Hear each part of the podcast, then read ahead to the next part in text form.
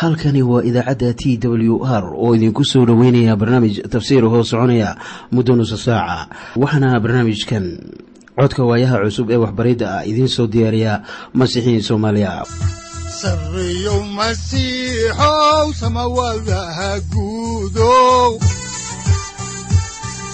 Siraadkii adduunkow subanaha eebow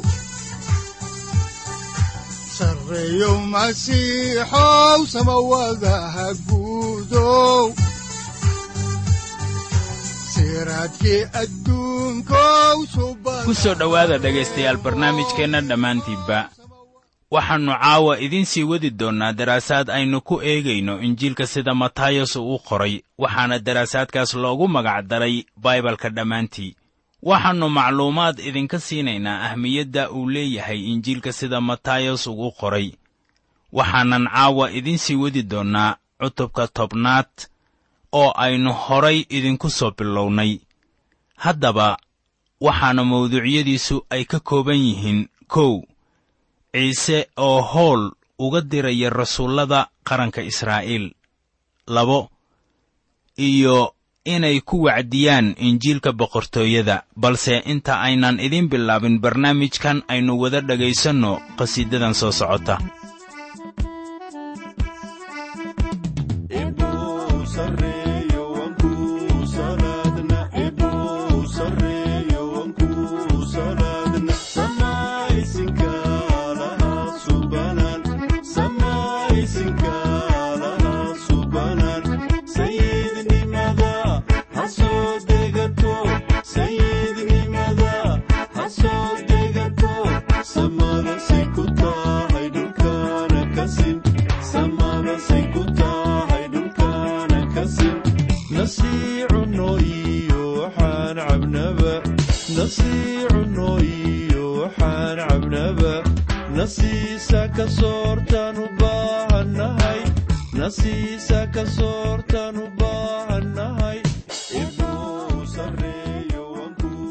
markii noogu dambaysay waxaannu ka hadlaynay sida ciise iyo aabbihiis ay isugu dhow yihiin. Ciise wuxuu yidhi ninna aabbaha uma yimaado xaggaygu ku yimaado maahee waxaan kaloo aragnay inaanay aalaaba farriintaa ayaan garanaynin dadka waaweyn laakiin ay tahay farriin u sahlan ilmaha yaryar. Iminkana aynu ka hadalno haatan maaddada ah ciise oo siiyey casumaad cusub shakhsiyaad kale. Aayadaha kan ayaa ina soo istaajinaya ama ina keenaya meel aynu dareemayno inuu jiro kala bax muuqda oo ku yimid farriintii sayidka. Ilaa iyo haatan wuxuu sayidku dadka barayay hal maaddo oo ah toobadkeena waayo boqortooyadii jannadu waa dhowdahay wuxuu dadka hor dhigay aqoonsigiisa. Waxayna diideen inuu yahay masiixa. Caasimadahaas waxay dhabarka u jeediyeen isaga waxaa kaloo dhabarka u jeediyey yeruusaalem sayidkana haatan wuxuu dhabarka u jeediyey qaranka israa'iil isagoon mar dambe horkeenaynin boqortooyada. Wuxuu haatan u socdaa iskutallaabta wuxuuna haatan casumayaa shakhsiyaad kale bal haatan dhegayso waxa uu leeyahay sida ku qoran injiilka sida matayos uu u qoray cutubka kow iyo tobanaad aayadaha siddeed iyo labaatan ilaa soddon oo leh ii kaalaya kulligiin kuwiinna hooshaysan oo culaabaysanow oo anigu waan idin nasin doonaa. Harqoodkayga dushiinna ku qaata oo wax iga barta waayo waan qaboobahay. Qalbigayguna waa hooseeyaa oo naftiinna nasashaad u heli doontaan waayo harqoodkaygu waa dhib yar yahay oo rarkayguna waa fudud yahay. Luqaddanu waa ka duwan tahay luqadihii hore ee ku qornaa cutubkan. Waxay la mid tahay adigoo ka imaanaya qabowgii oo soo gelaya xagga kulul ama sida inaad ka soo gudbayso duufaan kacsan oo aad aragto iyadoo dabayshu ay degayso. Iyo sida inaad gudcur ka imaanayso oo aad iftiin u imaanayso tanina waa farriin cusub oo ka timid ciise wuxuuna haatan ka imaanayaa qarankii israa'iil oo wuxuu u imaanayaa shakhsi. Iminkana waxaynu soo gaarnay cutubka laba iyo tobanaad ee injiilka sida matayos uu u qoray haatan waxaynu soo gaarnay cutubkan laba iyo tobanaad ee ahaa daraasaadkii aynu ka soo xiganaynay injiilka sida matayos uu u qoray.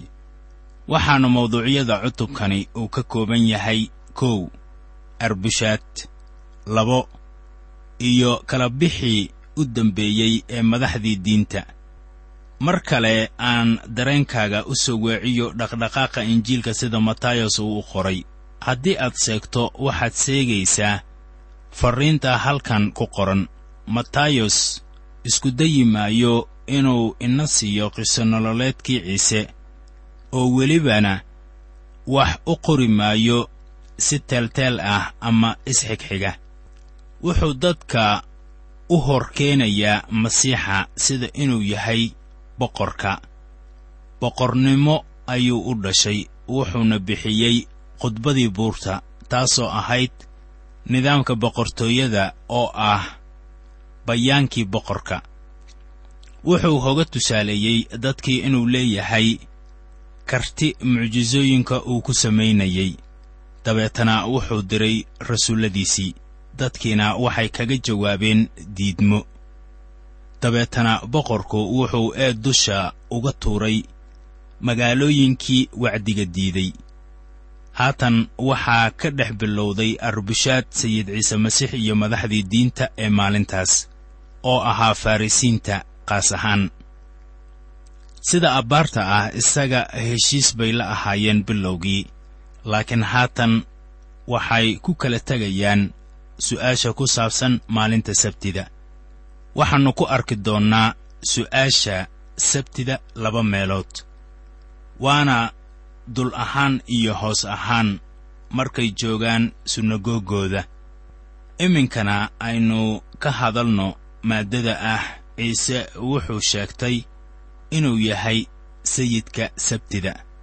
Haddaan halkii ka sii wadno ayaa waxaa ku qoran injiilka sida matayos uu u qoray cutubka laba iyo tobanaad aayadda koowaad sida tan. Wakhtigaas ciise wuxuu sabtidii dhex maray beeraha xertiisuna waa gaajaysnayd oo waxay bilaabeen inay sabuulladii jartaan oy cunaan. Haatan aynu wada dhegaysanno qhasiidadan soo socota. Haddaba waynu arki doonnaa arrinka ah in ciise uu yidhi waxaan ahay sayidka maalinta sabtida laakiin intaynan gelin murankan sabtida kaasoo socday wixii intaa ka dambeeyey bal aynu eegno sababta keentay in xertu ay goostaan ay cunaan sabuullada. Maxay sidaas u yeelayeen? Waayo waxay la socdeen ciise. Waxaad xusuusataa inuu ku yidhi nimankii dhallinyarada ahaa oo doonayay inay isaga raacaan dawacooyinku waxay leeyihiin godod oo shimbiruhu waxay leeyihiin iyana buulal ay ku hoydaan.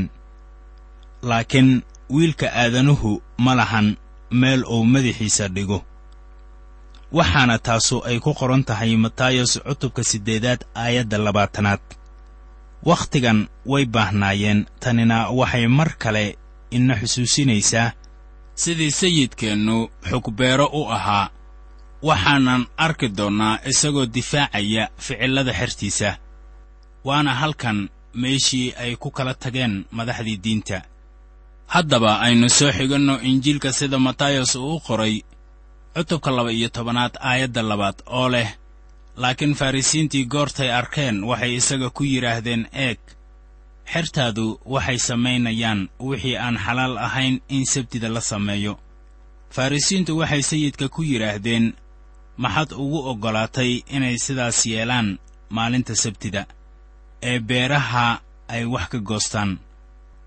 Haddaan halkii ka sii wadno xigashada kitaabka ayaa waxaa ku qoran aayadda saddexaad laakiin wuxuu ku yidhi miyaydnaan akhriyin wixii daa'uud uu sameeyey goortuu gaajooday isaga iyo kuwii la jiray. Waxaan la barbardhigi karnaa waxa halkan ku qoran cutubka kow iyo labaatanaad ee samuelkii koowaad aayadaha kow ilaa lix. Waxay dhacdadaasu timid maalmihii nebi daa'uud oo loo diidanaa inuu boqor ahaado. Markaasoo uu waddanka xukumayey saa'uul sida daacadda ahna sayid ciise waxaa loo diiday inuu noqdo boqor oo sheegashadiisa ah inuu yahay masiix lamana aqbalin. Haatan wuxuu daryeelayaa raggiisa in kastoo ay ka dhigan tahay inay jebiyaan sharcigii muuse. Haddaan halkii ka sii wadno ayaa waxaa ku qoran injiilka sida matayos uu u qoray cutubka laba-iyo tobanaad aayadaha afar ilaa shan oo leh siduu gurigii ilaah u galay oo uu u cunay kibistii tusniinta tan aan xalaal u ahayn inuu cuno ama in kuwii la jiray cunaan. Wadaaddada keliya maahee ama miyaydnaan sharciga ka akhriyin in wadaaddadii macbudka ku jiray sabtida ay sabtida ka dhigaan wax aan quduus ahayn oo ay ka eedla' yihiin wadaadku wuxuu shaqeeyaa maalinta sabtida. Haddaan halkii ka sii wadno ayaa waxaa ku qoran aayadda lixaad sida tan. Waxaan idinku leeyahay mid macbudka ka sarreeya ayaa halkan jooga. Sayid ciise wuxuu ku andacoonayaa inuu ka sarreeyo xadka dhexe ee nololdiimeedka farrisiinta oo ahaa macbudka. Inta ay haatan ka garteen hadalladiisa farrisiinta waxaa u caddaatay inuu caytamay. Ma uusan jebinin oo keliya sabtidii laakiin wuu caytamay. Haddaan halkii ka sii wadno ayaa waxaa ku qoran injiilka sida matayos uu u qoray cutubka laba-iyo tobanaad aayadda toddobaad sida tan. Haddaad aqoon lahaydeen hadalkan micnihiisa waxaan doonayaa naxariis ee ma aha allabari kuwa aan eed lahayn ma aad xukunteen. Marka la leeyahay waxaan doonayaa naxariis ee ma ahan allabari ayaa taasu ay tahay xigasho oo ka soo xiganayo kitaabka hosheeca cutubka lixaad aayadda lixaad. Sayidkeennu wuxuu daafacay raggiisa isagoo leh ma ayan jibinin sharciga maalinta sabtida. Muxuu sidaas u leeyahay? Haddaan jawaabta ka raadinno aayadda xigta ee siddeedaad ayaa waxaa ku qoran waayo wiilka aadanuhu waa sayidkii sabtida. Imaqal wuxuu haatan gacanta la galay wixii ay eeganayeen oo quduus u ahaa markii uu yidhi waxaan ahay sayidka beergoyska marka la eego farrisiinta sheegasho taas uga weyn oo uu samayn lahaaba ma jirin. Waxay aad u kicisay cadhadoodii iyo nacaybkoodii haatan waannu ka baxaynaa golihii ay waxa kanu ka dhaceen oo waxaynu aadaynaa sunagoogta laakiin waxaa weli ina hor yaalla su'aalo ku saabsan sabtida. Haddaan dib ugu noqonno axdiga cusub injiilka sida matayos uu u qoray cutubka laba-iyo tobanaad aayadda sagaalaad ayaa leh markaasuu halkaas ka tegay oo wuxuu galay sunagoogooda waxaad haddaba ogaataa inuu aaday sunagoogooda laakiin ma ahayn sunagoogeenna balse waxay ahayd tooda. Wuxuuna halkaasi ka yidhi wax u dhigma wixii uu ka yidhi macbudka. Markii koowaad waxay ahayd macbudkii ilaah laakiin ugu dambayntii wuxuu yidhi gurigiinna waa laydinkaga tegay isagoo burbursan. Haddaan halkii ka sii wadno ayaa waxaa ku qoran aayadaha xiga ee toban ilaa kow iyo toban sida tan oo waxaa joogay nin gacan engegan. Goortaasay weyddiiyeen oy ku yidhaahdeen ma xalaal baa in sabtida wax la bogsiiyo si ay ugu ashtakeeyaan. Markaasuu wuxuu ku yidhi ninkiineebaa lax leh oo hadday sabtida god ku dhacdo aan soo qabanaynin oo aan soo bixinaynin miyaa ninkan gacanta engegan loo keenay meesha si ula kac ah iyadoo ay keenayaan farrisiinta si ay ciise ugu gacangeliyaan bogsiinta ninkan. Haddii ay sidaas tahay waxaa halkan yaalla laba arrin oo muhiim ah oo laysla oggolaaday waa kow inay qireen inuu leeyahay awood uu ku bogsiin karo kuwa jirran sidaan aragnay cadowga ciise weligood ma ayan weyddiinin awooddiisa oo mucjisooyinka ku sameeyo. Waa inaad nooshahay wakhtigiisii oo aad tahay nin culuun ama cilmi u saaxiib ah ka hor intaadan su'aal ka keenin mucjisooyinkiisii farrisiintu waxay si caadi ah u oggolaadeen inuu leeyahay awood uu ku bogsiin karo kuwa jirran waana sida ay halkan u keeneen ninkii gacanta engegnaa. Labo waxay kaloo garteen haddii nin miskiin ah ee wax uga baahan la horgeeyo inuu ninkaas u naxariisanayo oo uu bogsiinayo xitaa haddii ay sabti tahay. War maxay ahayd oggolaansho yaab leh? Su'aashooda ay ka qabeen sharciga bogsiinta maalinta sabtida ayaa loo maleegay si isaga loogu shirqoolo ama loogu gacan geliyo laakiin ciise wuxuu sida daacadda ah dabin u dhigay cadaawayaashiisa waxay oggolaadeen in lax la badbaadin karo maalin sabti ah sida xaqiiqada ah.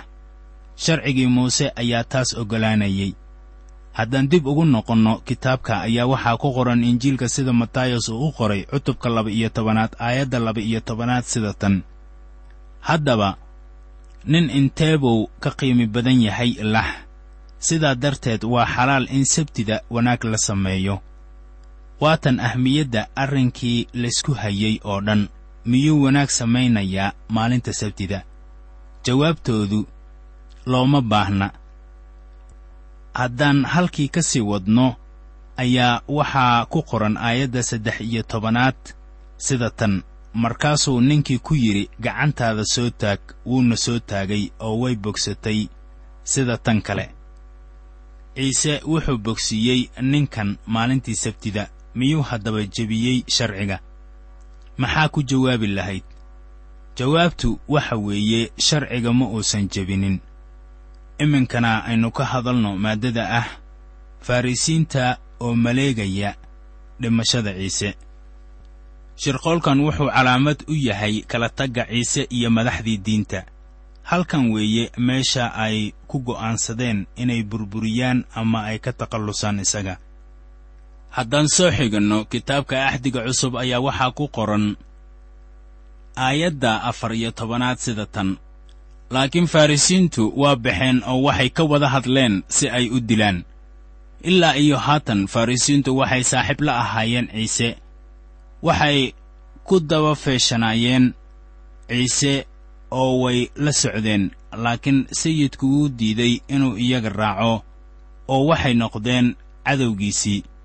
Kala taggu wuxuu ka yimid su'aashii ku saabsanayd maalinta sabtida oo qaaquulkii dhex yiilna wuxuu noqday mid waadix ah. Haddaan halkii ka sii wadno ayaa waxaa ku qoran injiilka matayos aayadda shan iyo tobanaad sida tan.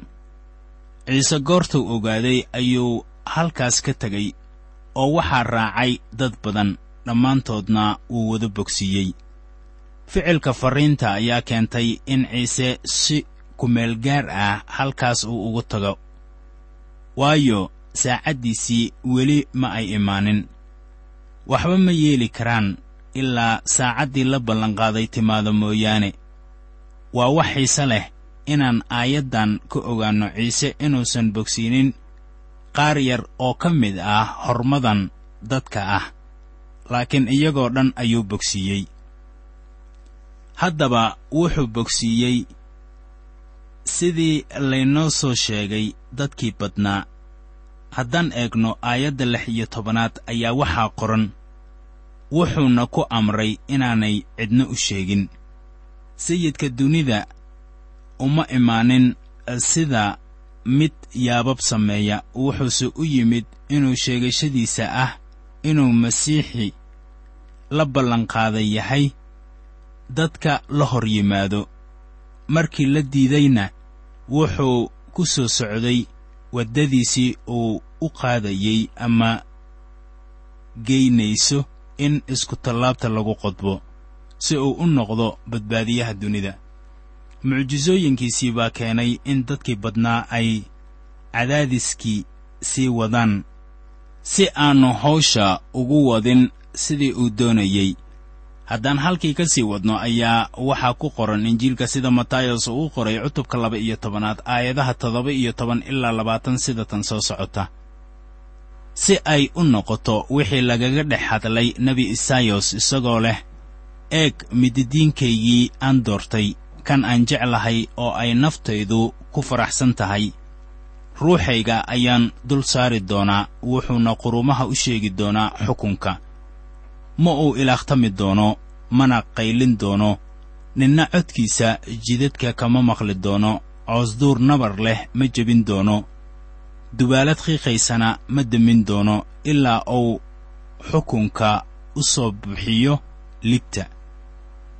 Coosduur nabar leh ma jebin doono maya ma uu jebin doono laakiin wuu isku xidhayaa coosduurkaas waana midka aan hor istaagin marka la leeyahay dubaalad qiiqaysana ma demin doono ayaa macnuhu uu yahay.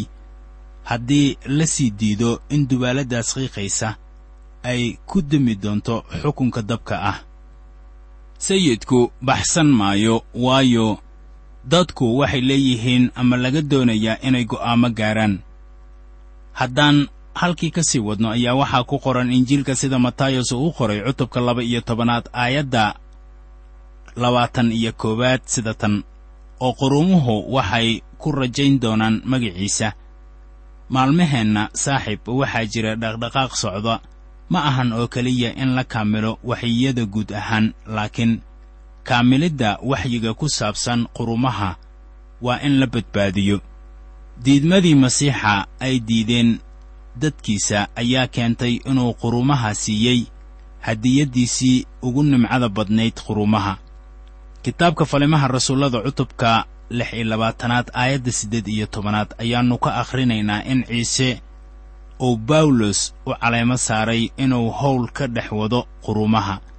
Waxaa aayaddaasu ay leedahay inaad indhahooda furtid si ay gudcur uga soo jeestaan oo ay iftiinka ugu soo jeestaan iyo inay ka soo leexdaan xoogga shayddaanka oo ay ilaah u yimaadaan inay helaan dembidhaaf oo ay dhaxal la helaan kuwa quduus lagaga dhigay rumaysadka ay igu leeyihiin. Iminkana aynu ka hadalno maaddada ah dembiga aan la dhaafi karaynin. Haddaan dib ugu noqonno xigashadeenna maanta ayaa waxaa ku qoran injiilka sida matayos uu u qoray cutubka laba iyo tobanaad aayadaha laba iyo labaatan ilaa saddex iyo labaatan sida tan soo socota. Ee leh markaasaa waxaa loo keenay indhoole indhala oo carrabla wuuna bogsiiyey. Sidaa darteed ninkii carrabka la'aa waa hadlay oo wax arkay. Kolkaasaa dadkii badnaa oo dhammu yaabeen oo waxay yidhaahdeen kanu miyaannu ahayn ina daa'uud. Haddaan dib ugu noqonno kitaabka ayaa waxaa ku qoran cutubka laba iyo tobanaad aayaddiisa afar iyo labaatanaad sida tan laakiin farrisiintu goortay maqleen waxay yidhaahdeen kanu jinniyada wax kale kuma saaro. Be'elsebul oo ah madaxa jinniyada maahee taasu waa su'aal keenaysa dembi aan la cafiyi karin. Bal aan horay u sii soconno si taxadir leh oo aan eegno aayadaha xiga waa shan iyo labaatan ilaa toddoba iyo labaatan. Waxaa qoran sida tan laakiin isagoo garanaya fikirradooda ayuu ku yidhi boqortooyo walba oo kala qaybsantaa cidla bay noqotaa oo magaalo walba iyo guri walba oo kala qaybsamaa ma taagnaan doono. Haddii shayddaan shayddaan uu saaro waa kala qaybsamaa haddaba boqortooyadiisu sidee bay u taagnaan doontaa oo anigu haddii aan jinniyada ku saaro be'elsebul wiilashiinnu yay ku saaraan. Sidaa darteed iyagu waxay ahaayeen xaakinnadiinna.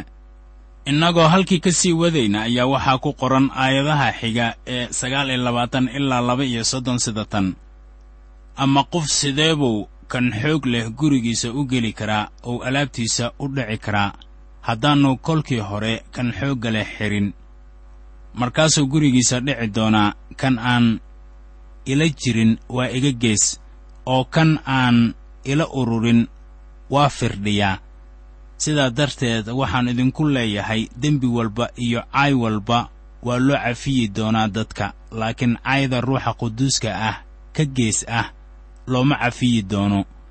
Ku alla kii ku hadla hadal wiilka aadanaha ka gees ah looma cafiyi doono wakhtigan iyo wakhtiga imaan doona.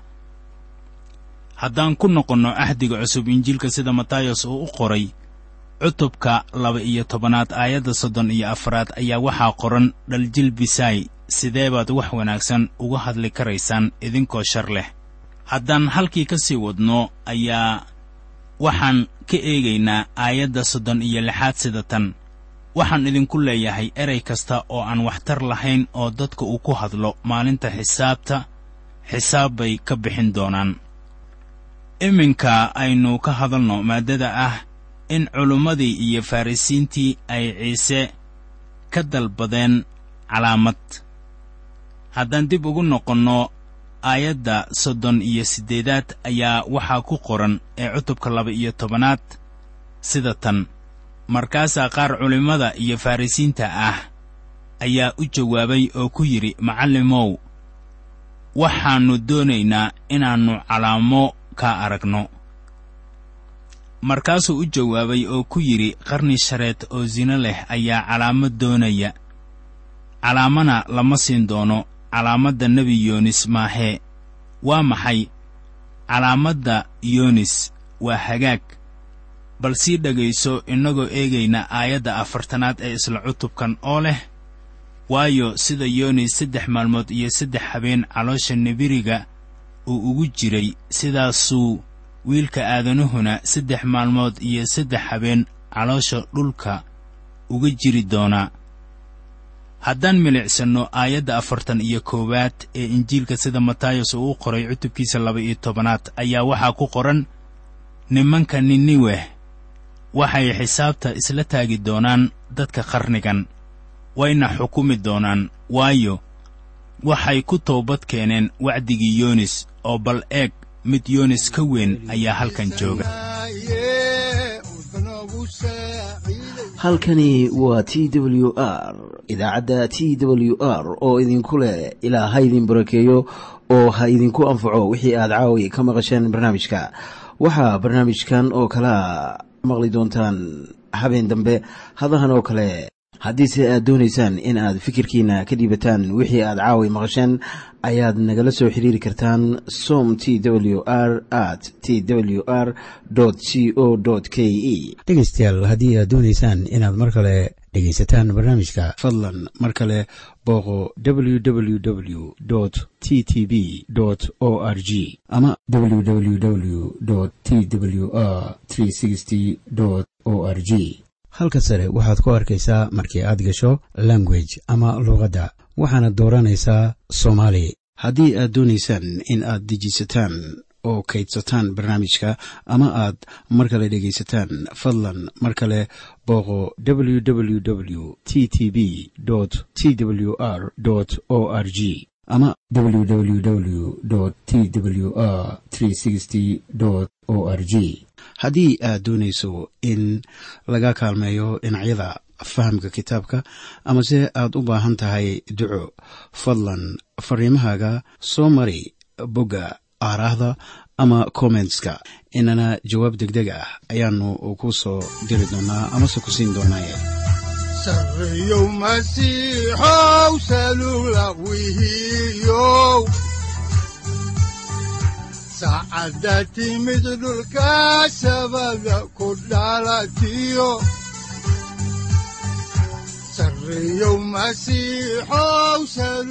halkani waa t w r oo idiin rajaynaya habeen baraare iyo barwaaqaba leh.